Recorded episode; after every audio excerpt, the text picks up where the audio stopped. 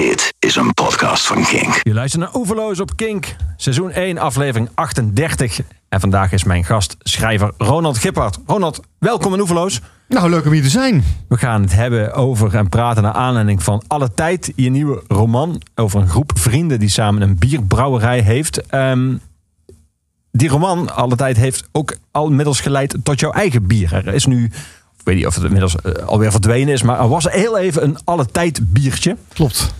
Hoe smaakte die? Dat was een eh, white IPA. Eh, ik weet niet of je iets van bier weet. Niets. Niets. Dus Nou, je kan me ook alles wijs maken nu. IPA is Indian Pale Ale. Dat eh, is een bepaald biertje dat met extra veel hop destijds werd hoe heet dat, geconserveerd om naar India te kunnen worden gestuurd. En ehm, nou, dat werd erg gewaardeerd, die hopsmaak. Niet iedereen houdt van hop, maar als je, als je ervan houdt, dan is Indian Pale Ale je van het. En we hebben een white Indian Pale Ale gemaakt. Samen met een brouwer. eh, bij hem thuis in de keuken. Hij is hoofdbrouwer van De Lekkere. Ehm, Mark Trapman heet hij. En ehm, alleen hij, hij brouwt ook voor zijn lol thuis. En hij wilde mij het brouwproces laten zien. Ik heb thuis zelf ook wel eens gebrouwen.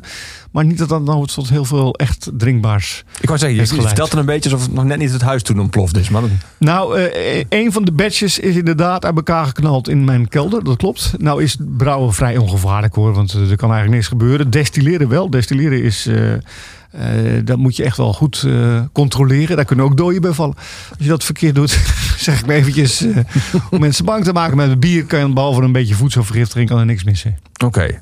En dat bier, het alle tijd bier, blijft Ja. dat bestaan? Of is dat, Nee, nee, nee. was dat voor eventjes alleen voor toen? Dat was een, een, een, leuke geste van eh, de Lekkere. Later hebben ze nog een hele batch eh, gebrouwen. Die ook eh, bij de presentatie van mijn boek is eh, geserveerd. Hebben wat boekhandelaren hebben we wat biertjes gestuurd voor de lol. Ehm, Je hebt er zelf ook, neem ik aan, een paar bewaard, of niet? ik, ik heb er eh, ik heb tot nu toe allemaal opgedronken, moet ik eh, bekennen. ik ben geen bewaarder. Ik, eh, ik verzamel eigenlijk helemaal niks. En ehm, eh, het heeft op de tap gestaan van een kroeg in Utrecht. Dat Nou. was ook wel leuk om. eh, ja. Je bewaart helemaal niks, zei je dat nou? ik bewaar bijna helemaal niks. Nee. Nee, ik ben geen bewaarder. Dus ik heb ook geen eh, eerste drukken of eh, buitenlandse uitgaves. Ik, heb een praak, ik ben vertaald in het Koreaans bijvoorbeeld. Nou, dan krijg ik drie Koreaanse exemplaren. Ja, ik lees geen Korea- Koreaans. Dus om het dan in mijn kast te zetten... eh, om daar masturbatoire eh, van te genieten. Dat, daar hou, ik- dus ik geef dat weg aan mensen die... Beter zijn in Koreaans. Juist.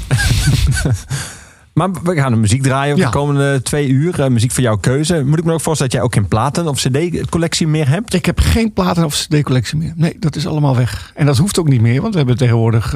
staat alles online. En ik... Zeker, maar dan mis je natuurlijk de nostalgische Ja. elementen van de, de hoes die, we, die je dan al als twaalf jaar geleden in je hand hebt gehad. eh, Of, Ja, ik, ik mis alleen het nostalgische gevoel om daar nostalgische gevoelens uit te peuren. ja, ja, ja. Eh, ik heb nog een oude plaat van, ehm, even kijken, de, van Ecstasy, eh, de Black Sea, hun derde eh, LP. eh, uitgeroepen tot de meest lelijke hoes aller tijden.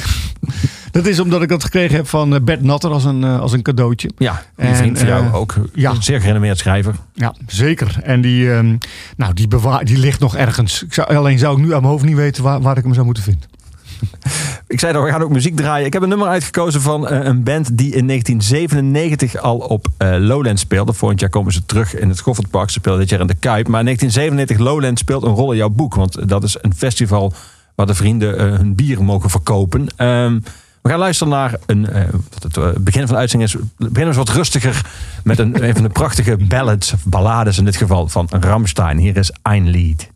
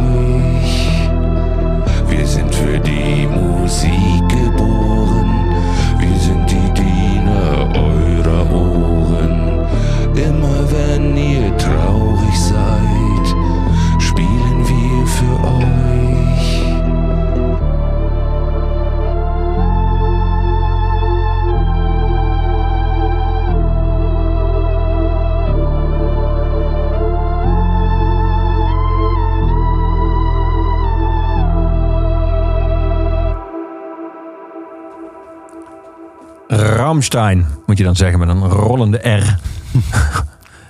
ja, dat komt voor. Rammstein, ook met meerdere M ook nog. Ja, ik wel, ja. ja. Speelde dus in 1997 op Lowlands. En eh, Lowlands, de editie van 1997 van Lowlands, speelt een rol in alle tijd. De nieuwe roman van Ronald Giphart.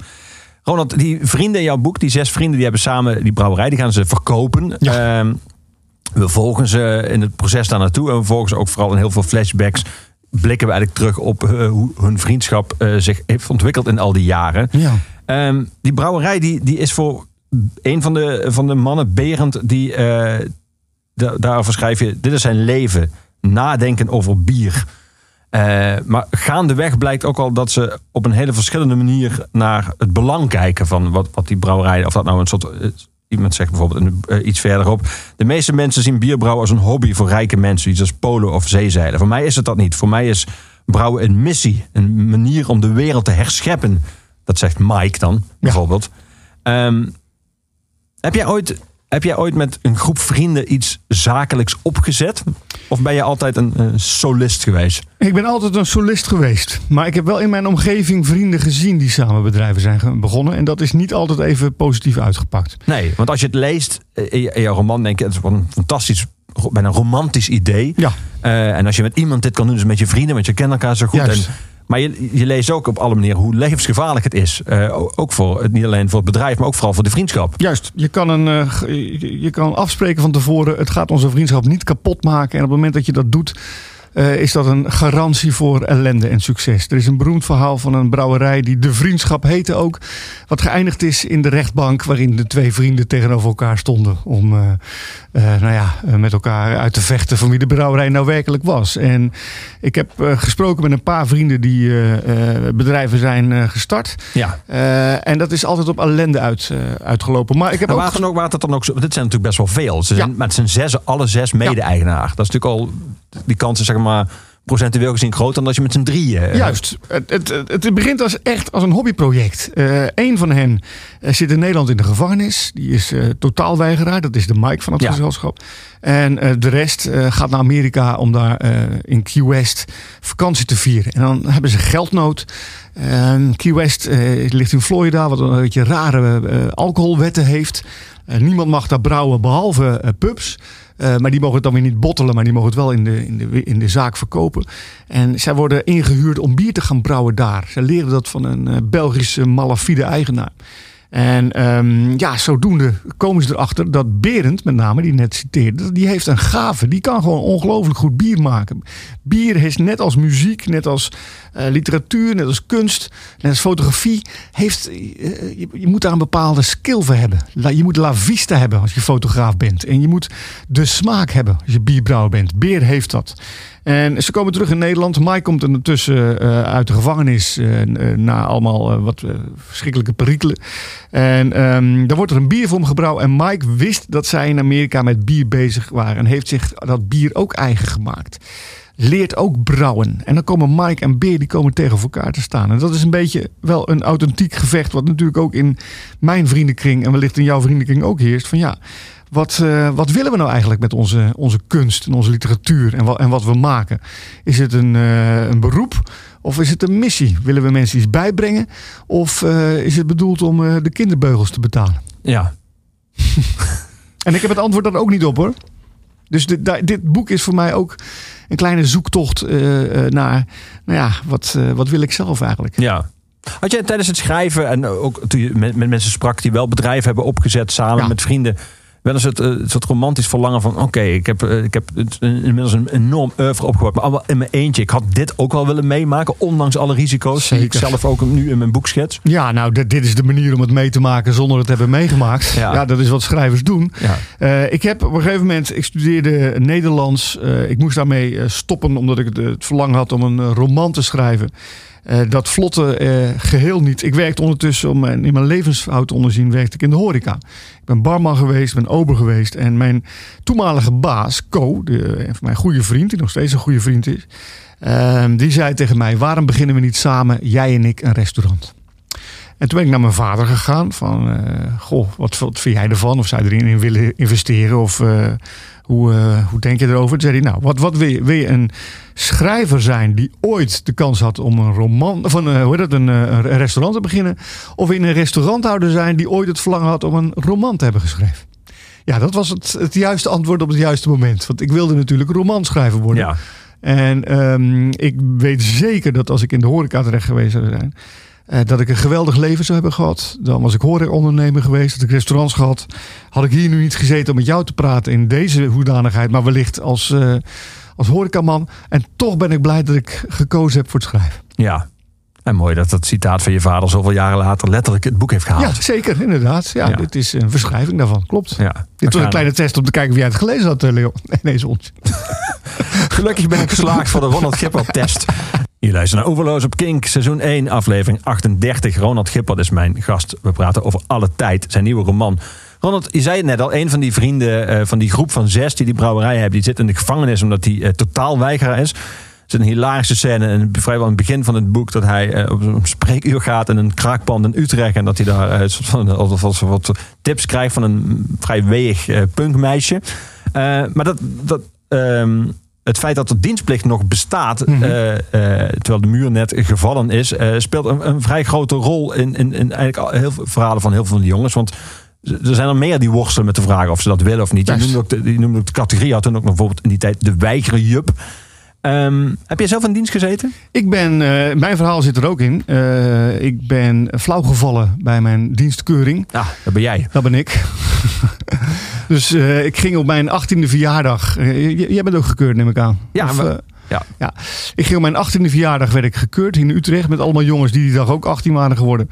En ehm, ik leek in niets in, eh, op die jongens. Dat waren allemaal stoere eh, beren van kerels die onmiddellijk eh, bij de, bij de, de, de tafelvoetbal gingen staan en, en, en schreeuwen en dit en dat. En ik, ik had een poëziebundel bij me. En vervolgens moest ik eerst medisch worden gekeurd. Eh, er was een jonge hospik, die moest nog leren. Die, eh, er stond een Molukse eh, meneer bij en die zei... oh, die ader die zie je heel erg goed. Die ader zie je heel erg goed. Dus hij prikt en hij prikt zo door mijn ader heen. En daarna nog een keer en nog een keer en nog een keer. Het bloed gutste echt uit mijn arm, over mijn onderarm heen. Ik keek ernaar en ik viel flauw. En ik, ik, werd, ik kwam bij op een, een tafel met mijn poëziebundel geknepen in mijn hand. En er stond, die Molukse meneer stond erbij. Maar dat was, een- dat was een soort eh, nou ja, officier die vroeger nog bij de knil had gezeten of zo. En Zullen we jou maar lekker naar huis sturen? En dat was het einde van jouw militaire Dat bestaan. was het einde van mijn... Maar goed, stel dat ik goedgekeurd zou zijn... dan, weet, dan denk ik niet dat ik... Ik was niet in dienst gegaan. Had je dan, eh, je, had, zeg maar, je kon gewoon dienst weigeren. Ja. Dan deed je een, een beroep op de wet gewetensbezwaren. Klopt. Eh, maar die Mike die, die gaat één stap verder. eh, Ja. de, de ultieme stap, eh, totaal weigeraar. Die is ook niet gekeurd. Hè. Dan met een gek gevoel van logica was hij daardoor goedgekeurd. Dat was heel vreemd. Ehm, en die heeft inderdaad... er zijn ongeveer tegen de 2000 jo- eh, jongens geweest... die dat hebben moeten ondergaan. Die heeft 19 maanden in de bak gezeten. Ja, die werden in zeg maar, radicaal linkse kringen werden die als een soort, als een soort politieke gevangenen beschouwd. Ja. Er werden ook acties voor gevoerd en mensen buiten gingen staan om ze. Eh, wat was de belangrijkste reden eigenlijk? Want je zou kunnen zeggen, juist voor de mensen die, te- die, die pacifist waren of eh antimilitarist, daar was juist die wet voor bedacht dat je dan eh, vervangend werk kon gaan doen. Ja, ze vonden dat het dan toch in het systeem was, was getrokken. En dat je onderdeel was van het systeem door op die manier... Nou ja, het is, het is net als dat je tegen Zwarte Piet gaat protesteren... en dan krijg je een veldje aangewezen van... nou, daar mogen die gaan staan om jullie protest te laten horen. Want in onze samenleving is het heel belangrijk dat protest ook gehoord wordt. Ja, Nou goed, ik denk dat, dat, dat totaalweigers daar ook niet aan wilden meedoen. Er waren ook jongens die eh, die oproep bijvoorbeeld met poepen besmeurden en dat weer terug naar, uh, nou goed, dat, uh, dan begint het op, bijna op terrorisme te lijken. um, maar ik heb natuurlijk wel grote bewondering gehad voor jongens die, die nou ja, de uiterste consequentie daarvan ja. namen. Ik zou het zelf niet gedaan hebben. Uh, want voor mij had het systeem gewerkt van, van weigeren. Ik zou dan inderdaad bij een bejaardentehuis zijn gaan ja. werken. Of, er was dan al een strafelement, dat duurde iets langer. Ja, dat, ja. min of meer. Ja. maar, maar niet zo lang als in de gevangenis. dat leek ook vooral minder lang, denk ik. maar bijvoorbeeld, uh, uh, vrienden van mij zijn wel gewoon in dienst gegaan. Uh, onder andere Jean-Marc van Tol, de ja. tekenaar van Fokken Sukken. Die, die is in dienst geweest en die heeft ook geworsteld met die vraag. Hij heeft mij geholpen met deze hoofdstukken, want ja, een van de andere hoofdpersonages, Gregor, of Guru zoals hij genoemd wordt, die gaat wel gewoon in dienst en heeft eigenlijk best een leuke tijd. En uh, er zit ook een, een, anekdote in die ik weer van een andere kennis hoorde, die, een van mijn lievelingsverhalen. Hij ging ook in dienst. Hij dacht, ja, dat weigeren, dat, heeft me wel, dat gaat me niks brengen. En bejaarden wassen, dat, ja, ik ga wel gewoon in dienst en dan laat ik me naar Duitsland uitzenden. en dan leer ik ook een beetje Russisch. Dus hij had een cursus Russisch gedaan. En hij moest daar, s'nachts moest hij het morsenverkeer moest hij onderscheppen. En dat, uh, dat was belangrijk werk, want er kon maar zo een aanval van de Russen komen. Dus op een gegeven moment had hij s'nachts dienst. Daar baalde hij een beetje van, want hij was ook nog eens jarig die dag. Dus hij, hij zat daar s'nachts, zat hij daar... Uh, achter dat apparaat. En toen hoorde hij op een gegeven moment piep, piep, piep, piep, piep. Dus hij ging dat snel ging hij dat uh, coderen. En toen uiteindelijk heeft hij vertaald wat er stond. En toen was het hartelijk gefeliciteerd met je verjaardag. En dan volgens zijn naam. Grapje van de Russen, die dus gewoon wisten wie daar dienst hadden. We gaan muziek draaien, Ronald. We gaan dat nummer draaien van die plaat van jou die je wel nog hebt, maar je weet alleen niet waar. Uh, met die, nou, het is inderdaad een afzichtelijke hoes. Ja. Black Sea van Ecstasy, uh, 1980. Uh, ja. Heb je die toen ontdekt of met terugwerkende ja. kracht? Nee, die heb ik toen ontdekt. ontdekt. Dat had te maken met Bert, Bert Natter, mijn beste vriend nog steeds. Die ook gespeecht heeft bij, uh, bij mijn roman. Zijn vader werkte bij Phonogram.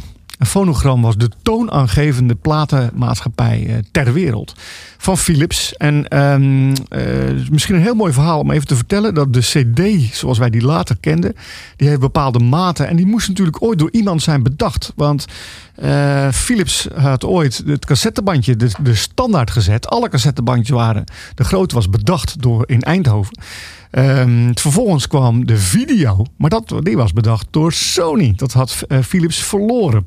Ze dachten bij de CD: dit gaat ons niet nog een keer gebeuren. Dus uh, Philips en Sony hebben samengewerkt en hebben daar de standaard gemaakt. En die standaard is gemaakt door de vader van Bert. Kijk, wauw. dus hoe groot is het gaatje? Hoeveel uh, data kan erop, et cetera? En het gevolg was dat Bert alles kreeg wat er verscheen. En uh, sowieso uh, had, het was zijn platencollectie immens. En een van de platen was uh, Ecstasy. En wat toen al mijn favoriete band aller tijden. En dat is het gebleven. En vooral dit nummer dan ook nog, General and Majors. En het is linkse protestsong. Het gaat over hoe de machthebbers hun greep op de wereld proberen vast te houden. Toen al, toen en nog al. steeds.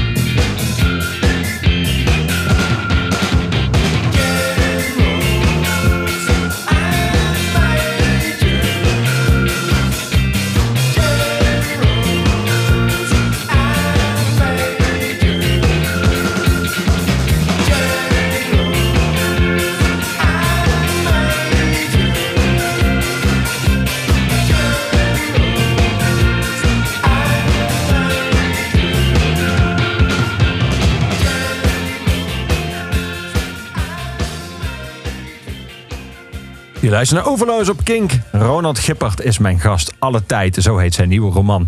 Ronald, die vriendengroep uit jouw eh, boek, die gaan eh, eigenlijk vrij snel nadat de muur valt, gaan ze naar Berlijn. Ze hebben daar daarna in de overleving Nou, van daarvoor gemaakt- nog eigenlijk. Daarvoor, ja, bedoel ik. Ja, sorry. Eh, ze hebben er een overleving van gemaakt. Ze, klooien een beetje met de tijd eigenlijk. Is dat iets, als je nadenkt over vriendengroepen, wat, wat vaak gebeurt? Dat, dat verhalen groter, romantischer of zelfs totaal verzonnen worden in de loop der jaren? Ja, zeker. Nou, totaal verzonnen is misschien niet, niet zo. Er zit altijd wel een spoor van waarheid. Maar wat er gebeurt is, wij zijn goede vrienden van elkaar. En wij komen ergens en we hebben iets samen meegemaakt. En ik hoor jou daar de versie van geven zoals jij dat beleefd hebt. Die een beetje niet helemaal overeenkomt met mijn eh, versie. Nou, dat kan betekenen dat jij of de zaken ietsje mooier maakt. Wat, wat gewoon gebeurt. Een eh, goed verhaal verdient het soms eh, als de feiten een klein beetje worden geplooid. Of je hebt het echt zo ervaren. Vervolgens ga ik met jouw verhaal mee. En langzamerhand wordt dan die, wat er werkelijk gebeurd is, geplooid in een nieuwe versie. En in dit geval is het zo, ze hebben elkaar allemaal ontmoet eh, bij een, eh, een gedempte gracht in Utrecht. De oude gracht werd op een gegeven moment een klein stukje gedempt, omdat er eh, gezocht werd naar een pistool. Ehm, en in hun Geweldig verhaal trouwens. geweldig verhaal, zeker. Eh, ik werkte toen zelf in het echt bij een Argentijns grillrestaurant en daar gebeurde dat. En dan stond je op een gegeven moment naar de bodem te kijken. en dat stonk echt zo zoals jij het beschrijft in het boek. Die Ja. oude, duizend jaar oude slijk van de voorouders, zoals je het beschrijft. Die... Dat is het, dat is het. En eh, er waren schotten neergezet, er waren w- eh, houten balken om, eh, neergeplaatst om te zorgen dat de kaders niet zouden instorten. En vervolgens was dat, dat stukje leeggepompt op zoek naar een, een revolver dat een of andere Joegoslaaf daar in het water had, eh, Ja. had gegooid. Beweerde hij. En eh, dan zit je dus te kijken naar een stukje wat duizend jaar daarvoor gegraven was. Dat was echt heel bijzonder. Ja. En in het echt stond ik daar met de medewerkers van het restaurant. Maar ik heb daar mijn personages gesitueerd. Alleen in het verhaal dat ze er later over vertellen, zijn ze de volgende ochtend naar Berlijn Ja. gescheurd. Eh, en in werkelijkheid zat er dan, zoals ze ook Paar wel weken, weten, een paar ja. weken tussen. Maar Ja. dat gebeurt gewoon soms. Dat, eh, wij noemen dat verhaaltechnische toevoegingen. Dus er komt een kleine verhaaltechnische toevoeging om het allemaal net ietsje mooier of, of ronder te maken. We hebben ook eh, de afspraak binnen de vriendenclub. Ehm, ten eerste moet je een verhaal niet proberen kapot te, Checken. checken. Ehm, en je mag een heel klein beetje de zaken mooier maken. Dat is ook vriendschap is accepteren dat dit gebeurt. Alleen wat, wat, wat feit, feit is, dat ze daar naar eh, de val van de muur gaan. Ja. Eh, en eh, daar onderweg ja, eh, ook niet weten wat er gaat gebeuren. Eén van hen, Lucien, blijft achter. In werkelijkheid was ik het degene die achterbleef. Dus Damn. mijn hele studentenhuis ging er naartoe. Kwamen een paar dagen later met schorre stemmen terug. En stukjes muur en gedronken, gezopen, geneukt, alles gedaan. En ik was naar een college geweest. Dus de- je, je had ook wel echt wat in te halen hiermee. Je hebt eigenlijk gewoon nu jezelf dan alsnog in kunnen schrijven. Dat is het. Dat heb, is je het. daar, heb je daar lang van gebaald? Daar heb ik destijds wel van gebaald. Ja, kijk, eh, toen begon door te dringen dat eh, de, de generatie van mijn ouders had 1968. Hè, dat heeft eh, de opstanden in Parijs, de revolutie, dat heeft de wereld veranderd. En dat hebben ze ook ons, ons ook op alle mogelijke manieren laten weten dat in 1968 de wereld is veranderd. De Summer of Love en Ja. eh, de seksuele revolutie begon daar, de, de democratisering van de wereld, alles begon in 68. Wij hadden dat niet, maar wij hadden de val van de muur. Ja. 1989. En ehm, daar dan bij geweest te zijn. Ik denk als je nu een onderzoek zou doen aan mensen van was u bij de val van de muur, dat daar een, eh, misschien wel eh 80 miljoen mensen bij zijn geweest. Jij, jij had erbij kunnen zijn. Juist. En ik ben er nu ook een beetje bij geweest, want ik heb me erin geschreven. ook. Ja. Ja. Kun je net zoveel van dat college waar je wel bij bent geweest herinneren als jouw vrienden van die avontuur in Berlijn? Helemaal niets. Nee, nee. Het is, het is verschrikkelijk. Maar wat, wat ik wel als schrijver, en dat is wel de kracht van het schrijven, en dat, dat, weet jij ook, dat je toch eh, iets kan scheppen. eh, waardoor ik voor mijn gevoel er nu ook echt wel bij ben geweest. Want ik heb met heel veel mensen gesproken. Ik heb er heel veel over gelezen. Ik heb me ook. Ik ben later naar Berlijn geweest met vrienden. Die reis zit er ook in. Eh, dat is de reis waar ze Nick Cave eh, Ja. ontmoeten. Eh, maar goed, ik weet wel van hoe mijn vrienden zich gedragen als ze met elkaar zijn. Wat ze bijvoorbeeld doen is dat ze, en daar speelt muziek de belangrijke voortjager, dat ze elkaar voortdurend proberen te verbluffen met hun muzikale kennis. Nou, ik heb die kennis niet. Ik zit er altijd als bijhoorder zit ik erbij. Ik heb ook geleerd om mijn mond te houden, want alles wat ik zeg wordt meteen weggeblaft van niet interessant genoeg. En daarom had ik er wel heel veel plezier in om ook in, in, nu in alle tijd in die weg naar Berlijn toe heel erg veel muziek te stoppen ook. Ja. een van die nummers is deze, die we nu gaan draaien. eh, Sex Pistols, Holidays in the Sun. Was het, eh, bleken heel veel nummers eh, gerelateerd aan die tijdperiode? Of, Ja, of was het schrapen? Nee, nee, nee dat, eh, dat was een, een meer à boire. En eh, je moet je voorstellen dat ehm, in de jaren, eind jaren tachtig en natuurlijk zo'n desolate sfeer hing. Dat ehm, eh, iedereen was er eigenlijk van overtuigd dat eh, de wereld zou vergaan door kernbommen. Dat, eh, mijn generatie is opgegroeid met het idee, zoals deze generatie nu opgroeit met het idee, de wereld gaat door de klimaatverandering ten onder. Hadden wij het idee, de wereld gaat door een, een, kernoorlog Ja. verdwijnen. En dat was waar de hele punk natuurlijk ook op, op dreef, op, op die gedachte, no future. En ehm, Berlijn was daar het zinnenbeeld van, eh, het symbool. Eh, daar was de muur, daar stonden de beide kampen tegenover elkaar. Daar had je aan de ene kant eh, de, de, de, progressieve meute aan, aan het Vrije Westen. En aan de andere kant had je ja, het totalitaire systeem. En ehm, wat kunstenaars, muzikanten, filmmakers doen, is dat reflecteren in hun werk. En dus ook is er heel veel muziek over gemaakt. Ja, we gaan luisteren naar het openingsnummer van Nevermind the Bollocks. De Sex Pistols. Hier is Holidays in the Sun.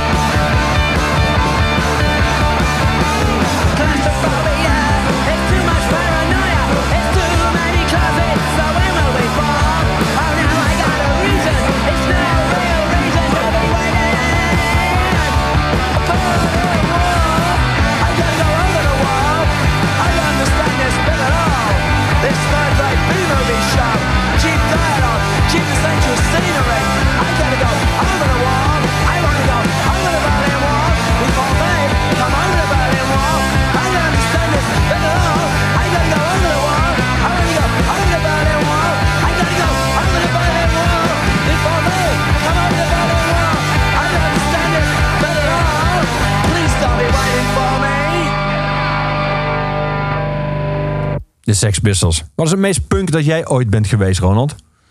Ehm, nou, nee, ik eh, ben een, een, toeschouwer van punk geweest. Ik ben nooit in de pit geweest. Ik heb me nooit eh, getooid met eh, metaal in mijn gezicht. Ik was een mot. Dus ik ben no- nooit, nooit punk geweest. Nee. En ik was, de, de mods, dat was eigenlijk een, een, dat kwam uit dezelfde stroming als, als de punk. Eh, via de Who, eh, de Jam, eh, Ecstasy is vervolgd erop. En nu eigenlijk die hele welle van, eh, van Britpop die gekomen is. Ehm, eh, grote affiniteit met punk, maar nooit zelf punk geweest. Nee. Je kwam met een sociaal-democratisch nest. eh, die Ja. omwenteling eh, die volgde op de val van de muur. Wat, je vertelde net van, eh, dat was het tijdperk daarvoor van we dachten dat het het einde der geschiedenis was. Ja. Eh, Fukuyama zei over de val van de muur dat nu de geschiedenis, nu zou de hele wereld soort van een soort liberaal, eh, vrij, een kapitalistisch systeem opgaan en zouden alle verschillen wegvallen. Hoe, hoe eh, heb jij dat toen ervaren? Was jij heel hoopvol of dacht je nu begint een soort van nieuwe, nieuwe, nieuwe horizon? Ja, ik was heel hoopvol. En ik, ik denk dat de jaren negentig de heydays van de menselijke beschaving is geweest. Zoals wij die kennen. Ehm, en als we dan onszelf als het centrum van het universum zien. Gewoon. Ja, dat kan gewoon hier. Ja, eh, dus eh, hadden we in Nederland hadden we paars aan de macht. Eh, dus een conctie tussen redelijk denkende linkse mensen en redelijk denkende rechtse mensen. En eh, het was het poldermodel waar de hele wereld zich over verbaasde. The Third Way. Clinton die, die was onder de indruk. Tony Blair was onder de indruk. En wij hebben de toon gezet. Nederland was op dat moment was af, was klaar. Ehm, de grote ideologische discussies die waren gevoerd en voorbij. Er was nog niet het eh, verstikkende, eh, politiek correcte wat, wat in de jaren daarna zou komen. Eh, maar je kon als, eh, nou ja, als, als kunstenaar kon je doen wat je wilde. Je, er was vrijheid om te schrijven wat je wilde. Je kon bijvoorbeeld als schrijven, dat was echt een, een bevrijding. Eh, schrijven over dingen die je echt leuk vond. Dus tot aan de jaren tachtig, als je als schrijver over voetbal schreef, dat betekende dat het einde van je literaire carrière. Want voetbal en literatuur, dat ging niet samen. Totdat Matthijs van Nieuwkerk en eh, Henk Spaan zeiden van...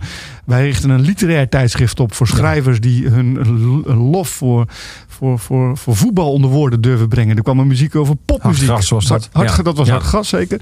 Later kwam er een, een, een payola, dus eh, over, over popmuziek, waar hetzelfde ook eh, eh, gebeurde. Enorme vrijheid, ideologisch gebied. Ik, ik heb de jaren negentig echt als een heerlijke periode ervaren. Wat heb je ervaren als het symbolische einde van de jaren 90? Was dat de opkomst van Fortuyn, die eigenlijk paars dood verklaarde? En eh, terwijl net het onderzoek was gebleken dat Nederlanders heel gelukkig waren, Ja. opeens bleek dat toch ergens een ongenoegen te smeulen.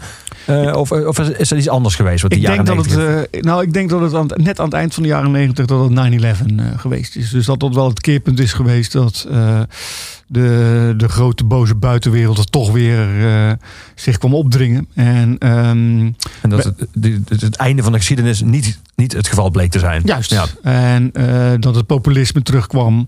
Dat eh, de stellingen weer werden verhard. Dat het empathische er weer afging. het In elkaar inleven. dat je op ieder woord wat je gebruikt. dat je dat moest wegen.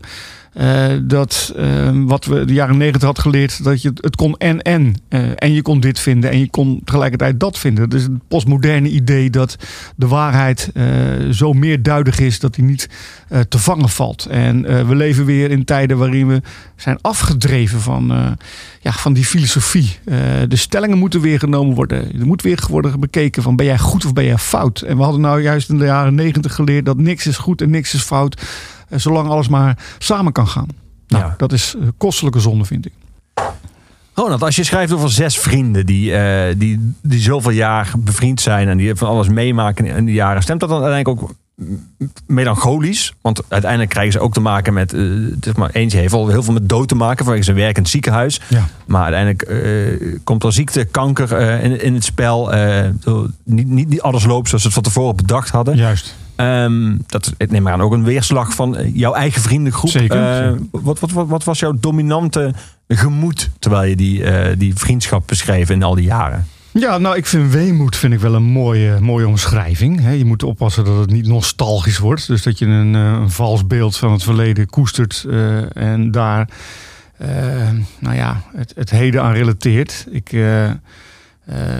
ik had net een behoorlijke rent tegen deze tijd. Maar ja, goed, dit is wel de enige tijd waarin we, in we leven. Dus eh, eh, We zullen het hier moeten doen. we zullen het moeten Ja. doen. En we zullen deze tijd moeten verder helpen. Ik heb eh, drie kinderen. En je wilt toch ook dat eh, het voor. Ik, ben, ik wil oprecht snappen eh, welke kant de wereld op gaat. En je hebt, eh, twee, je hebt drie kanten. Er zijn mensen die zeggen: ehm, eh, het gaat beter worden, de progressieve. Daar wil ik bij behoren. Koetke koet. Je hebt mensen die zeggen het zal alleen maar slechter worden. Nou, dat kan niet als je ziet eh, hoe, eh, hoe goed eh, we bezig zijn. Even de afgelopen decennia een beetje en acht samen. En je hebt mensen zeggen het zal nooit anders worden dan tussen goed en slecht in. Nou, dat vind ik, dat lijkt mij te cynisch. Ik denk dat je als mens geprogrammeerd moet zijn om ten alle tijde te denken hoe kan, kan je de wereld beter maken. Ik stam ook uit een sociaal-democratisch milieu. En ehm, ik wil blijven geloven in het goede van de mens. Moeten wel accepteren dat er slechte mensen zijn. Ehm, maar ehm, zit ik jouw vraag te beantwoorden of ben ik hier gewoon te, te oreren? Wat was je vraag eigenlijk? Oh ja, of, of weemoed. Of Vooral dat tweede, maar dat vind ik wel mooi. wat? Dat je oreert, want eh, door- het was net geen antwoord op de vraag, maar het is wel een hele mooie, het is wel een, iets wat je aan het hart ligt, zo te horen. Ja, zeker, zeker. En ehm, ik, ik, ik, wij stammen uit een. eh, wij zijn een diersoort eh, die uit empathie de wereld heeft veroverd. Eh, je moet je voorstellen dat. ehm, als je even kijkt. Ik heb hem, daar toevallig een boek over geschreven. samen met een evolutionair psycholoog, Mark van Vught. van de Vrije Universiteit. Ehm, als je kijkt naar de menselijke geschiedenis. Wij eh, zwerven. Eh, ongeveer, eh, nou, laten we zeggen, 2 miljoen jaar lang onze voorouders over de savanne. En eh, dat waren onze voor, voorouders. Hè, dat waren gewoon mensapen, of, eh, mensachtige. En op een gegeven moment waren dat de Homo sapiens. En waarin die groep zich onderscheiden was... dat ze de, de groep waarin ze over die savanne zwierven steeds groter werd. Chimpansees eh, leven in groepen van ongeveer 75. Wij mensen in groepen van ongeveer 150. Wat nog steeds in het dagelijks leven onze groep is. Jij kent ongeveer 150 mensen met wie jij... eh, zeg maar dagelijks of wekelijks omgaat. Ja, en 5000 op Facebook. Juist. Ja. En dat zijn dus allemaal eh, substituten die op Facebook. En wij kennen elkaar een beetje, we komen elkaar af en toe tegen, maar wij zitten niet in elkaars stam. Hè, wij horen tot eh, bevriende stammen. Ik heb mijn eigen stam, jij hebt jouw eigen stam. En misschien dat er één of twee mensen eh, dat, dat wij die delen. Maar ehm, die stammen van 150 dat heeft ieder mens. Je kan in een stad wonen en 150 mensen om je heen hebben.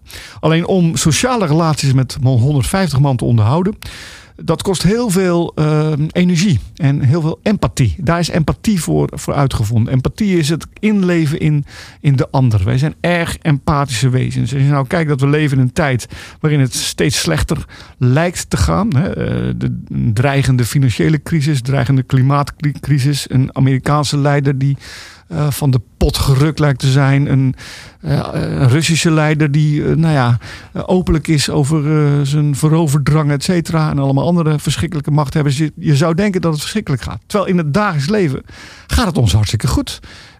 Ik ben tevreden over de vrienden die ik heb. de wereld waarin ik leef. Ik wil wel voor mijn kinderen wil ik iets achterlaten. Dus deze tijd... ehm, we moeten daar ons best voor doen om er het beste van te maken. En dat doe je onder andere door te reflecteren op de tijd die geweest is. En als het nou gaat over mijn boek, het, eh, de, de weemoed die erin zit, is nadenken van wat was het nou aan vroeger tijden wat eh, me beroerd heeft. Wat eh, ons gemaakt heeft tot wie we zijn. Er wordt ergens in het boek gezet door een van de personages. ehm, eh, iedereen hoopt dat zijn leven een heldenleven Ja. is. En en daar heeft, dat heeft ook met Facebook te maken. En met Instagram. En de manier waarop we ons presenteren. Waar iedereen een fotomodel is. En iedereen een fantastisch leven heeft. Eh, en eh, we weten niet eh, onze herinneringen hoe we die kunnen duiden in het licht van de, de pijl van de toekomst. Maar het is wel prettig om af en toe terug te denken. Daarom hebben we een telefoon met allemaal appjes, fotootjes die ons voortdurend terug naar het verleden brengen. Ja. We gaan daar verder praten Ja. hierover. over die vriendengroep. We gaan eerst luisteren naar een nummer van jouw keuze. Niet uit jouw platenkast, want die heb je niet meer. Nee. Maar uit jouw digitale platenkast. A Town Called Malice van The Jam in 1982. Eh, Even kort, wat is jouw meest dominante herinnering aan dit nummer?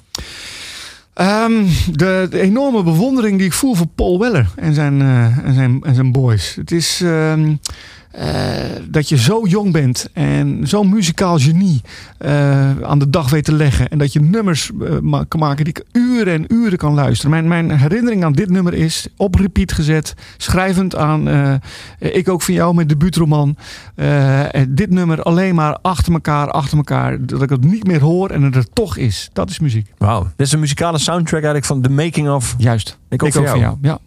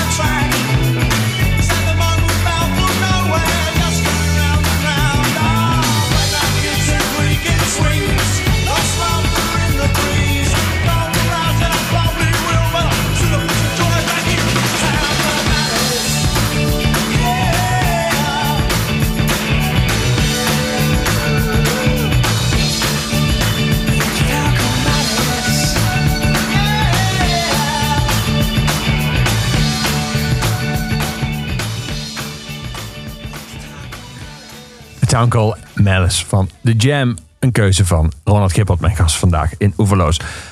Ronald, eh, waar jij wel van houdt, eh, in meer van je boeken, maar ook zeker in alle tijden, is af en toe eh, door, in het middel van wat, wat je soort ro- romantiek zou kunnen noemen, eh, de romantiek van dit geval van een groep vrienden, eh, hele onnuchterende eh, vaststellingen ertussen plaatsen. Bijvoorbeeld een van de, van de eh, vrienden werkt in het ziekenhuis, Lucien, en die heeft dan die ochtend, eh, eh, het le- of die nacht ervoor, het leven van iemand gered. Eh, waar je dan achter zet, of beter, wiens dood hij een tijdje heeft uitgesteld. Eh, dat doe je ook bij die vriendengroep zelf. Je hebt natuurlijk een neiging bij vrienden om te, om te denken dat je soort van voor elkaar gemaakt bent. Dat het niet anders had kunnen lopen. Dat het deze mensen samen eh, zeg maar, een hele weg zouden afleggen. Maar je beschrijft dat eigenlijk, als je heel eerlijk bent, heel veel vriendengroepen een soort van min of meer toevallige willekeurig ontstaan. Dat een paar mensen nemen op dezelfde plek zijn op een bepaald moment. En iemand vooral zoeken die een beetje op ze lijkt. Ja. Ehm, heb je daar zelf een soort van. In, het werk en het boek eh, een soort van analyse van gemaakt hoe dat bij jou zelf is in jouw vriendengroep en kwam je dan ook daarop uit? Ja, zeker. Het is overigens geen devaluatie van de vriendschap hoor. Het, is, eh, het geldt evenzeer ook bijvoorbeeld voor liefde. Dat is eh, het- hetzelfde laken en pak. Eh, een van mijn vorige romans, Harem, begint ook met de vaststelling van... liefde is accepteren eh, dat je heel veel andere mensen had kunnen ontmoeten... met wie je dezelfde spetterende liefde gehad zou kunnen hebben... maar dat het toevallig jij bent geweest. En laten we koesteren dat dat is gebeurd. Ja. Nou, zo is het met de vrienden ook. Kijk, mijn beste vrienden. eh, heel simpel, heb ik op de middelbare school ontmoet. En dat zijn nog steeds mijn beste vrienden. Ik zat op het Baars Lyceum. En eh, daar zat ook Bert Natter. En daar zat ook Jean-Marc van Tol. En daar zat ook Robert Sikkema. En eh, nou ja, zodoende eh, zijn dat jongens geweest die ik nog steeds eh 40 jaar later iedere dag, of, of nou, iedere dag contact mee heb via Ja. de app. En eh, om de zoveel weken zie. Ja, en dat had natuurlijk anders geweest als mijn vader niet had besloten naar eh, Soesdijk te verhuizen, maar naar een andere stad. Nou, dan is de kans groot dat ik Bert en Jean-Marc niet was tegengekomen. Ehm, En is het dan een relevante vraag of je als je die mensen nu zou tegenkomen, of het nog steeds hele goede vrienden zouden kunnen worden? Of maakt dat op een gegeven moment niet meer uit, omdat dan nou eenmaal de vriendschap ook is dat je zoveel samen hebt meegemaakt? Ja, dat. Dus eh, vriendschap is een soort emmer die op een gegeven moment vol loopt. En alle potentiële nieuwe vrienden die erbij komen, stromen over de emmer heen. Er is heel veel onderzoek gedaan naar, naar vrienden. Kijk, als je jong bent, heb je veel vrienden. En eh, hoe ouder je wordt, dat is, het is een, een, een- ja, een open deur, maar hoe meer vrienden je kwijtraakt. Als je eh, 20 bent, dan heb je 40 vrienden, bij wijze van spreken. En als je 30 bent, dan heb je er eh, 15. En bij je 40, dan is het tot 10 geslonken. Bij je 50, dan zijn er 5 geworden. Straks, als ik 60 ben, dan zijn het er nog een stuk of 3.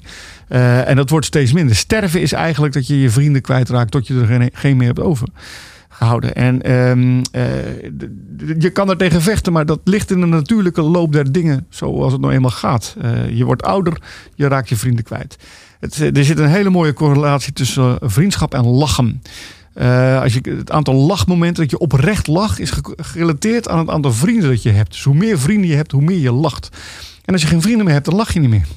Ja, dat is een heel vervelend besef. Natuurlijk kan je wel artificieel proberen om zoveel mogelijk te blijven lachen en zoveel mogelijk vrienden nog te onderhouden. Maar ehm, eh, ja, in de, in de loop der dingen zal. Ik hoop dat mijn vrienden tot het einde der tijden mijn vrienden zullen blijven. Eh, maar als ik nou zie hoe weinig ik eigenlijk. Vroeger zag ik mijn vrienden iedere dag. Ik zat iedere dag in het café met mijn vrienden. Ik woonde in huis met, met mijn vrienden. En eh, nu moeten we echt ons best doen om afspraken te maken. Eh, en die zelfs nog vaak worden afgezegd, ook op het laatste moment. Ja. Aan de andere kant, het idee dat je met z'n allen in een studentenhuis woont, is natuurlijk ook waarschijnlijk ondraaglijk. Dat zou je toch zo niet meer willen, toch? Heb jij veel vrienden? Eh, ja, dat is wel een woord dat ik niet snel gebruik, maar ik heb wel, eh, ja, ik heb wel denk ik acht of negen echt hele dierbare vrienden. Ja. Ja. En wat typeert een hele echte vriend? De bal eens even om te draaien. Ehm, het, het vermogen tot eh, eh, zowel praten als luisteren. Eh, ik denk vooral genade. Mijn vrienden zijn de mensen die eh, niet zo snel, eh, misschien zelfs helemaal niet zullen oordelen over wat ik doe, maar gewoon met me mee proberen te denken. En, en, en suggesties doen, maar niet judgmental zijn, om het woord maar eens te gebruiken. Dus ik ben zelf voor mijn vrienden ook. Ik heb een hele andere maatstaf voor mijn vrienden, ook voor hun misdragingen dan voor andere mensen. Ik Ja. vergeef ze eigenlijk bijna alles. Misschien wel alles. Nou, dit is, dit is exact voor mij wat, wat voor mij vriendschap ook is. Wij zijn mekaars getuigen.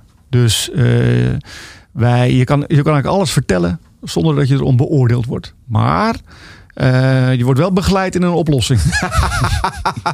Ja. Ja, de intervention ligt altijd om de, ligt altijd om de loer. Ja. Ja. Ronald, ben jij nog verliefd? Nou, dat is natuurlijk wel een beetje een gewetensvraag. Want ik ben al 24 jaar met dezelfde vrouw. En ehm, het is gewoon fysiek onmogelijk om 24, jaar- het 24 jaar in staat van verliefdheid te zijn. Wat er met verliefdheid gebeurt, het is een, eh, wetenschappelijk eh, te uit een treur onderzocht. Het heeft te maken met synapsissen en hersenstofjes, et cetera. En eh, vergelijkbaar met, met het gebruik van drugs. En op een gegeven moment raak je de synapses dusdanig vermoeid dat eh, de dosis die je gewend was niet meer volstaat. En wat er dan gebeurt is dat als het goed is, verliefdheid, zoals ze dat zeggen, omslaat in liefde. En als het niet goed is, dat de verliefdheid weg en de relatie wordt beëindigd. En eh, wij zijn nu 24 jaar bij elkaar, dus eh, Je hebt volgend jaar groot feest. wij hebben volgend jaar geen groot feest. Want dat vind ik weer van een door de samenleving opgelegde burgerlijkheid. Dat je dan je, Oh, sorry hoor. Dat is je zilveren huwelijk. Het is gek, hè? Dat is dan je zilveren huwelijk als je als je het zo- 25 jaar bij elkaar Als je het bent. zo zegt, klinkt het al iets te... Nou ja, wat maf daarin is, je hebt dus de zilveren huwelijk is, is 25. Nou, dan moeten we de helft, is 12,5 jaar. Dat is dan je bronzen huwelijk. Maar wie gaat er nou in godsnaam uitrekenen dat je, je je 12,5 jaar bij elkaar bent? Dan zie je al de willekeur van, van zo'n getal. Ja. Van waarom niet 12 eh, jaar en zes maanden of, of eh, en zeven maanden of iets dergelijks. Nou goed, in ieder geval. ehm, we hebben natuurlijk wel opspelende periodes van verliefdheid. En wat er gebeurt is als je. We hebben drie, eh, twee volwassen kinderen en één nakomer. Ehm, ik vind het gevoel van diepe, diepe liefde. Eh, toch op de lange termijn intens veel mooier dan heftige verliefdheid. Ja. Ja, Het is wel een onderwerp dat jou altijd heeft gefascineerd. Je laat die Lucien in het boek ook eh, soort alles, verschillende soorten verliefdheid naast Zeker. elkaar zetten. Eh, je hebt ooit een boek geschreven, Ten Liefde, waar je zeg maar, de, wet- de wetenschap op dit gebied onderzocht. Ehm, jij bent altijd van de school geweest dat je het interessant vindt om het eh, zeg maar, te analyseren. En daarbij niet eh, het gevoel had dat je het daarmee eh, kapot maakt. Nee, dat, Want sommige mensen vinden dat. Hè? Die vinden dat je vooral niet over die stofjes moet praten. En dan, Ja. moet, dan, dan, is het bijna al, dan het bijna plat, vinden ze. Ja, en dat is eigenlijk dezelfde discussie die Mike en eh Berend eh, in, het, in het boek voeren. eh, als het gaat over bierproductie. Ja. Dat Mike zegt van ja, je moet het niet proberen kapot te analyseren. En, en Beer zegt ik wil alles weten wat er te weten valt, want dan word ik een betere brouwer van. En ik heb de discussie natuurlijk vaak gevoerd, bijvoorbeeld met humoristen. Ik, ben, ik hou erg van, van humor. Klinkt ook een beetje als een, een open doekje, want wie, wie houdt er niet van humor? Maar Ik ken wel mensen die eh, zeer zagrijnig zijn en niet van humor houden. Oké, oké. nou, goed. Ik, eh, de humor is een groot deel van mijn leven. Ik, eh, ik hou erg van humor. Maar ik hou ook ervan om te lezen waarom een grap grappig is. Of waarom een, een grap werkt. En of je daar een theorie aan kan vasthangen. Of je daar zelfs een formule aan kan vasthangen. Er is, er is een wetenschapper die ooit de humorformule heeft opgesteld. En dat is, hij werkt niet altijd. Maar het is wel ontzettend leuk om, om te kijken. Ik zal eens kijken wat ik uit mijn hoofd kan citeren. Ja? De humorformule is eh, EH. Dat is het effect van humor. Het, eh, dus effect van humor is lachen eigenlijk. Dat is, dan moet ik even gaan nadenken hoor. Ehm, even kijken. De background mood. Dus de B, eh, BM, de background mood. Maal de complexiteit van een grap. Gedeeld door de tijd die je nodig hebt om de grap op te lossen.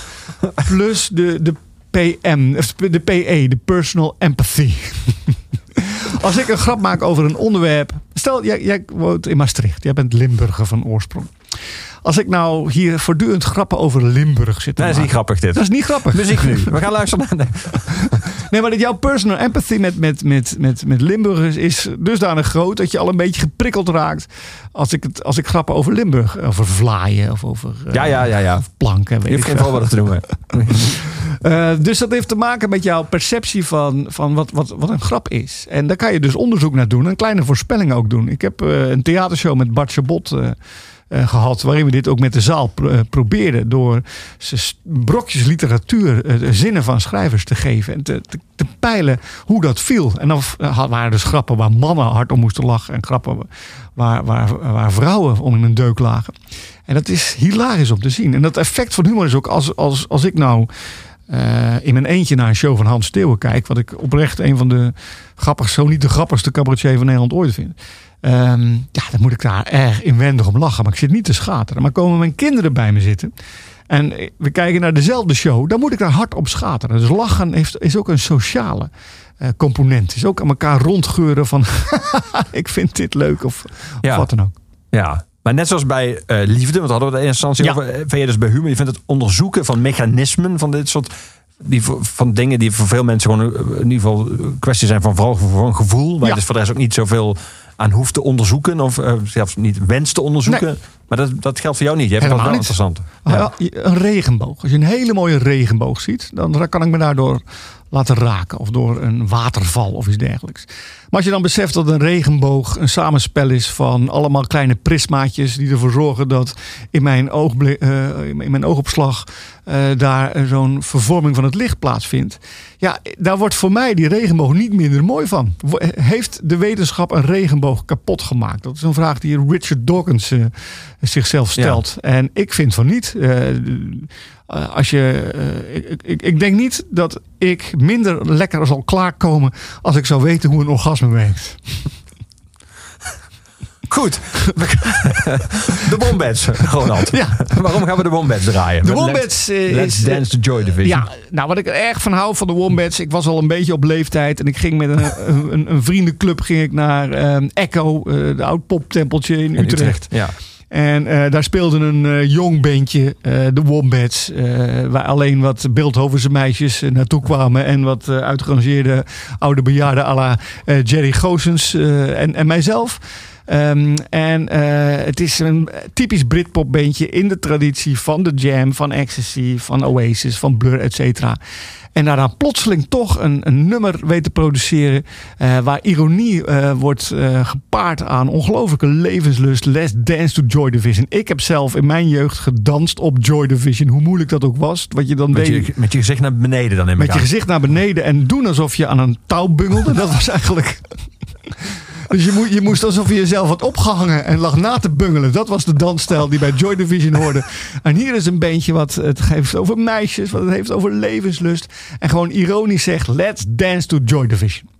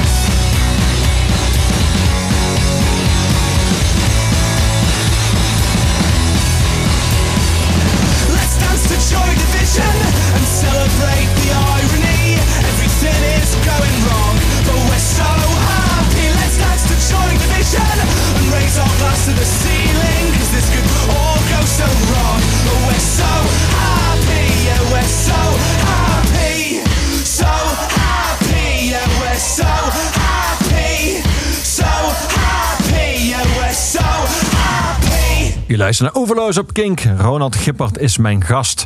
Alle tijd, zo heet zijn nieuwe roman. Ik citeer uit, eh, uit je roman, eh, Ronald. Binnen de eredivisie van onze vriendenkring gold de erecode dat je je niet seksueel inliet met geliefden. En ook niet met ex-geliefden. Tenzij er sprake was van geruime verjaring en van tevoren toestemming was gevraagd. En verleend, for that matter. Werkt dat? Eh, dat werkte vroeger, zeker. Dat was gewoon een heilige, heilige code. Je zat niet aan mekaars vrouwen. En ex-vrouwen. En ex-vrouwen, ja. En met name dat laatste. Want dat is natuurlijk... Kijk, dat je niet aan mekaars vrouw zit, dat, Dat is iets evidenter. dat, is- ja. ja. dat staat buiten kijf. Maar eh, het gebeurt natuurlijk ook wel eens... dat je eh begeesterd kon raken voor- door gevoelens... voor deze of gene die al een keer... eh, een van jouw vrienden in vuur en vlam had gezet. Ja, dat, dat kan pijnlijk zijn. En zeker als eh, stel dat, eh, dat je dan iets krijgt... en dat je nog gelukkiger bent dan zij ooit geweest zijn... Dat, kan heel vervelend. Ik heb het één keer aan de hand gehad dat ik ehm, eh, in huis woonde met een meisje die dat iets gehad had met een van mijn beste vrienden. En toen en er begon iets te gloren tussen ons. Dus toen heb ik hem gevraagd van, vind je het goed als dat gebeurt? Hij je doet je best maar, viezerik. Dat eh, klinkt zeer eh, bemoedigend. Ja, Als hij had gezegd, geen sprake van. Dat is het einde van... Oké.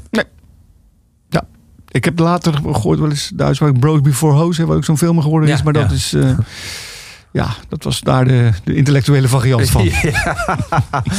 Daarover gesproken, over dat sentiment bros voor, voor hoes en vriendengroepen en Mhm. codes over wat je met elkaars vrouwen of ex-vrouwen al dan niet doet. Ehm, dit boek, Alle Tijd, verschijnt in een andere tijd en ook een andere tijd hoe literatuur wordt bezien en hoe het maatschappelijk debat wordt gevoerd dan, eh, dan eh, jouw eerste, de eerdere romans. Zeker. Eh, heeft dat effect? Heb je wel eens bedacht, ik ga nu een boek schrijven over zes, nou in ieder geval vijf wi- witte cisgender hetero mannen die van middelbare leeftijd zijn. En dat wordt nu anders bezien dan twintig jaar geleden.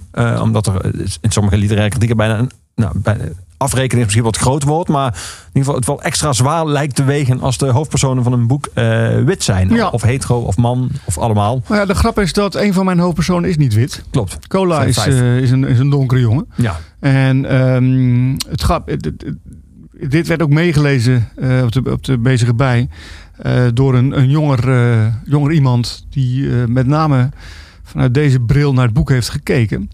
Hoe zit het met inclusiviteit? En hoe zit het met eh, nou ja, eh, vrouwenvriendelijkheden en male toxic eh, gedrag? Ehm, en ik moet zeggen dat ik daar ook wel gevoelig voor ben, als ik heel eerlijk ben. Ehm, ik ook van jou.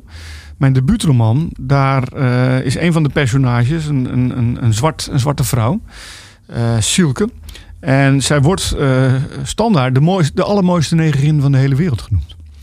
Omdat in 92 was negerin nog geen besmet woord. Dat, eh, dus toen een paar jaar geleden het Rijksmuseum besloot om alle referenties aan neger en negerin eh, in, de, in de naamkaartjes bij de kunstwerken te ver- veranderen. Heb ik wel gedacht toen een herdruk aankwam van ik ook van jou. Van, goh, hoe zit dat eigenlijk? Eh, wordt het boek er minder van als er in plaats van negerin zwarte vrouw komt te staan? De allermooiste zwarte vrouw van de hele wereld. Is dat een groot probleem om dat aan te passen? Vrouw van kleur zou er dan moeten staan. Vrouw van kleur. Inmiddels Of, al. ja, nou goed, dat verandert ook per 10 minuten geloof ik. Ja. En ik geloof dat we aan de, de dames dipsaus, oh, de dames mag ik ook niet meer zeggen, de vrouwen dipsaus eh, moeten vragen wat, eh, wat we nu mogen zeggen en Ja. niet zeggen. Dat is ook, ook meteen het argument om dat niet te doen. Want het verandert elke 10 minuten. Dus waarom zou je Ja. boek naar 1992 moeten, eh, moeten aanpassen aan de, aan de soort normen van nu, die misschien morgen alweer niet meer de normen van dan zijn? Ja, nou ja, dat, je, je kan daarvoor kiezen of niet. Kijk, ik ben de baas van mijn boek. Eh, zolang ik leef, mag ik dat bepalen. W.F. Hermans, ehm, die heeft zijn boeken altijd in, bij herdrukken aangepast. Eh, die eh, be- bepaalde boeken vond hij dat seksscènes er wat meer pregnant in moesten. Had hij bedacht dat dat meer boeken verkocht. Dus kwam er wat meer, eh, meer seks in. En ehm, als een schrijver dat zelf doet, dat kan natuurlijk. Hè. Je kan de dingen aanpassen aan eh, de huidige tijd. En ehm, ik heb erbij, ik ook van jou, moet ik in alle keer, heb ik erover getwijfeld of ik dat zou doen of niet. En uiteindelijk heeft mijn, mijn uitgeefster destijds ehm, een, een sterk appel gemaakt om het niet te doen. Want eh, je krijgt namelijk een bak met ellende over je heen van mensen die daar weer een mening over gaan hebben. Of mensen die het juist ermee eens zijn. En moet je een boek daarmee eh, besmetten. Ehm, in geval van alle tijd. ehm, heb ik wel geprobeerd om deze discussie het boek in te trekken. Er zit een acteur, een van Ja. de zes eh, personen is een acteur, Jonas. Ja. Jonas ehm, heeft in het verleden zich een paar keer, eh, wat je zou kunnen zeggen, mailtoxisch uitgelaten. In de zin van dat er een scène in zit. Dat ze reclamemaaksters op bezoek hebben. eh, waarvan een van de meisjes nogal fors geschapen is. eh, ik bedoel, een grote, grote torso heeft, laat ik het zo zeggen. grote borsten. Ehm, hij de kamer binnenkomt lopen in de veronderstelling dat zij de ruimte uit zijn. Tegen zijn vrienden die die wel ziet zegt... Allemachtig, zagen jullie de titel van dat mens? En dan blijken ze nog in de kamer te staan. Heel erg vervelend moment. Wat een van mijn echte vrienden in het echt ook overkomen is. Dus ehm, daar schaamt hij zich ook, eh, ook voor. Hij speelt in een toneelstuk waarin ehm, de regisseur... nou ja, dingen verlangt van, van de actrices. Het speelt zich af in, eh, in Vlaanderen, dit verhaal. En eh, ja, die, die discussie ontspoort. Zoals tegenwoordig veel discussies op dat gebied Ja. eh, eh, ontsporen. En het is voor mannen van mijn leeftijd zoeken naar... Wij willen het goede doen, maar we willen onszelf ook niet verloochenen. En ehm, ja, dat is een discussie waar ik zelf ook af en toe in, in terecht raak. Maar ik ben niet zo van de school die zegt... het moet allemaal maar zo hard mogelijk... en we moeten ons er geen reet van aantrekken. Want ik vind... als je nou kijkt naar de Zwarte Piet Ehm, ik, laat, ik zeggen dat ik in, wellicht in de jaren 80 of de jaren 90 mm, daar geen seconde over heb nagedacht. Eh, tot ik zelf kinderen begon te krijgen. En mijn dieptepunt kwam toen eh, Obama net gekozen was. Eh, dat was in november 1998. Ehm, en vervolgens de, de, de intocht van Sinterklaas kwam. Ik was toen columnist van, van de Volkskrant. En daar een zwarte piet op het eh, front eh, van, van het schip stond waar Sinterklaas op zat. En heel hard iemand over de gracht schreeuwde: Hey, Obama! En daar iedereen hard om moest lachen. En dat is toch een vervelend moment van waar lachen we nou eigenlijk om? Dat Ja. er een zwarte Piet Obama wordt genoemd. Dus dat heeft toch alleen maar met zijn huidskleur eh, te maken. En dat was voor mij wel een moment van inzicht. Dit is niet correct. Dit moet niet. En ik denk dat ieder weldenkend mens er nu al van overtuigd is dat eh, Zwarte Piet gewoon niet meer kan. Tenzij gelardeerd met een blauwe Piet en een ge- gele Piet en weet ik veel, kleur Piet of hoe je het allemaal wil, wil noemen. Ja. Eh, Maar vond vind- jij dat er eh, moest een van die zes niet wit zijn voor jou? Ehm, zo heb ik het niet opgezet. Wat ik nodig had was iemand met een exotische achtergrond, namelijk cola, de, uit een geslacht van Caribische ondernemers. Ik had iemand, een heel rijk iemand nodig om die brouwerij te, te kunnen kopen. Ja, ja. ja. En dat werd toevallig een zwart iemand dus. Het Ja. gekke is, hij, het wordt één of twee keer wordt zijn huidskleur een beetje genoemd. ja. Eh, maar ik heb ook wel in reacties gelezen van, eh, daar gaan we weer, zes, eh, zes witte mannen. Terwijl, nou, dan heb je er toch overheen. Dat is toch Ja. een mooi dat je, je moet eigenlijk zijn huidskleur er niet doorheen zien. We gaan muziek draaien, Ronald. We gaan naar Sportsteam luisteren. Ja. Ehm, ik had je gevraagd om wat muziek je zou willen horen, maar je hebt zelf ook wat rondgevraagd. Eh, Ja. Is dit een tip voor jouzelf of is dat een door een van jouw vrienden gegeven tip? Nou, wat ik gedaan heb in mijn boek is dat ik af en toe mijn vrienden heb gevraagd van jongens, help mij eens eventjes bij bijvoorbeeld muziekkeuzes. Eh, als het gaat over nummers over de Berlijnse muur. Of help mij eens eventjes als het gaat om leuke namen voor bierbrouwerijen, et cetera. En jij vroeg mij van, eh, stel eens een lijstje met muziek samen. Eh, dus ik heb in mijn eh, vrienden-app gisteren gezegd... jongens, Leon heeft nummers nodig. De eerste drie die geroepen worden, die ga ik hem opgeven. En eh, dit was een van de nummers genoemd door Jerry Goossens. eh, die nou ja, mij zeer dierbaar is. En op wiens Een muziekkeuze... verklaard muziekliefhebber. Een verklaard muziekliefhebber. En hij weet wat mijn smaak is. En ik denk dat hij dit voor mij heeft uitgekozen. Sportsteam met Fishing.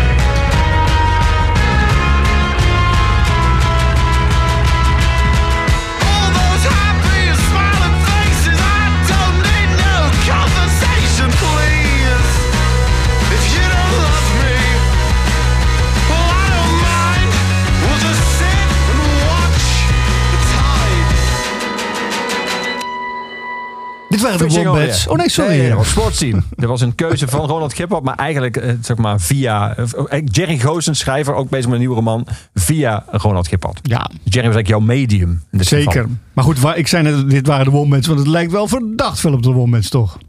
Ja, daar hebben ze wel duidelijk naar geluisterd, ja. Maar wel een leuk, fris nummer. Zeker. Ehm, we hebben gepraat over alle tijd, jouw roman. Dat, da- daar ben je nu eh, volop in, eh, zeg maar, in de, de promotie, dat heet, Zeker, van, die, van die roman.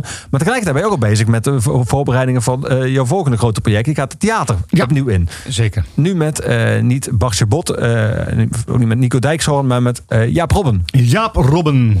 Leuk. eh, Zomervacht. Een geweldige roman. Een, een ontluisterende man, heb je hem gelezen? Ja, ook veel gedaan in het buitenland ook. Ja, zeker. En eh, Birk, ook een eh, geweldige man. En, en Jaap is, is enorm goed. Het, het is, de aanleiding is wat minder leuk in de zin van dat ik zou met Bart op, op tour gaan weer. We waren al geboekt.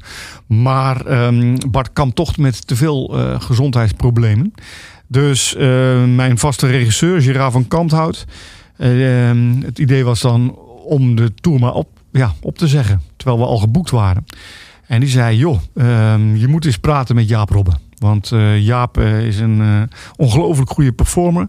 en een amabel mens. Dus Jaap en ik hebben elkaar ontmoet. En binnen een minuut was het verliefdheid. Man bros. Hoe zeg je dat? Bromance. bromance. Gelukkig weet jij inmiddels waar verliefdheid op welke chemische stof is dat is Juist. terug te voegen. Dus Ja, geen zorgen verder. en we, we schelen een jaar of vijftig ongeveer. Tenminste, Ja, ja dus eh, min 10. ja. nee, het is. eh, eh, we gaan volgende week. Hij woont in Duitsland. gaan, we, gaan de repetities beginnen. En het wordt een vrolijke literaire potpourri. Met allerhande grappen en grollen, diepzinnigheden. stukjes uit de boeken voorlezen. Maar ook dingen samen doen. Ik wil graag zingen. Dat wil Jaap niet. Ik vind dat je op een podium staat. Denk je even aan de kaartverkoop, Ronald? Ja, maar op een podium moet toch gezongen worden? En ik hou ook heel erg van zingen. Ik heb ook eh, Martin Bril, de Joost Zwageman, Bartje Bot, Nico Dijkshoorn. Die heb ik leren zingen. ik ben heel benieuwd.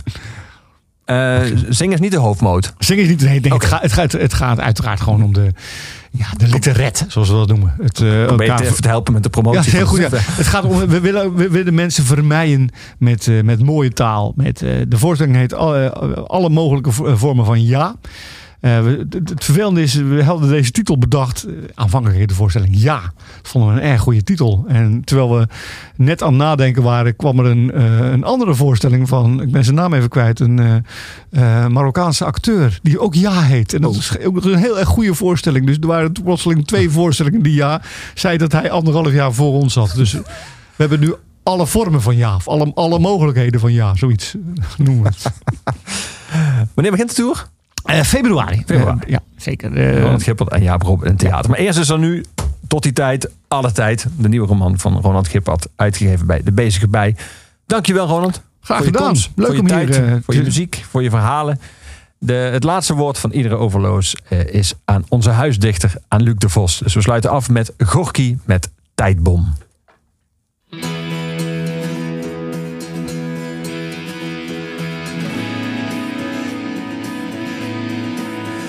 Er ligt een tijdbom onder de tafel. Ik eet mijn bonen en ik beef. En mijn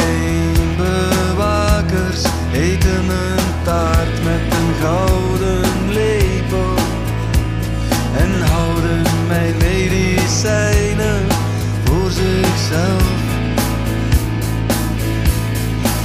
Maar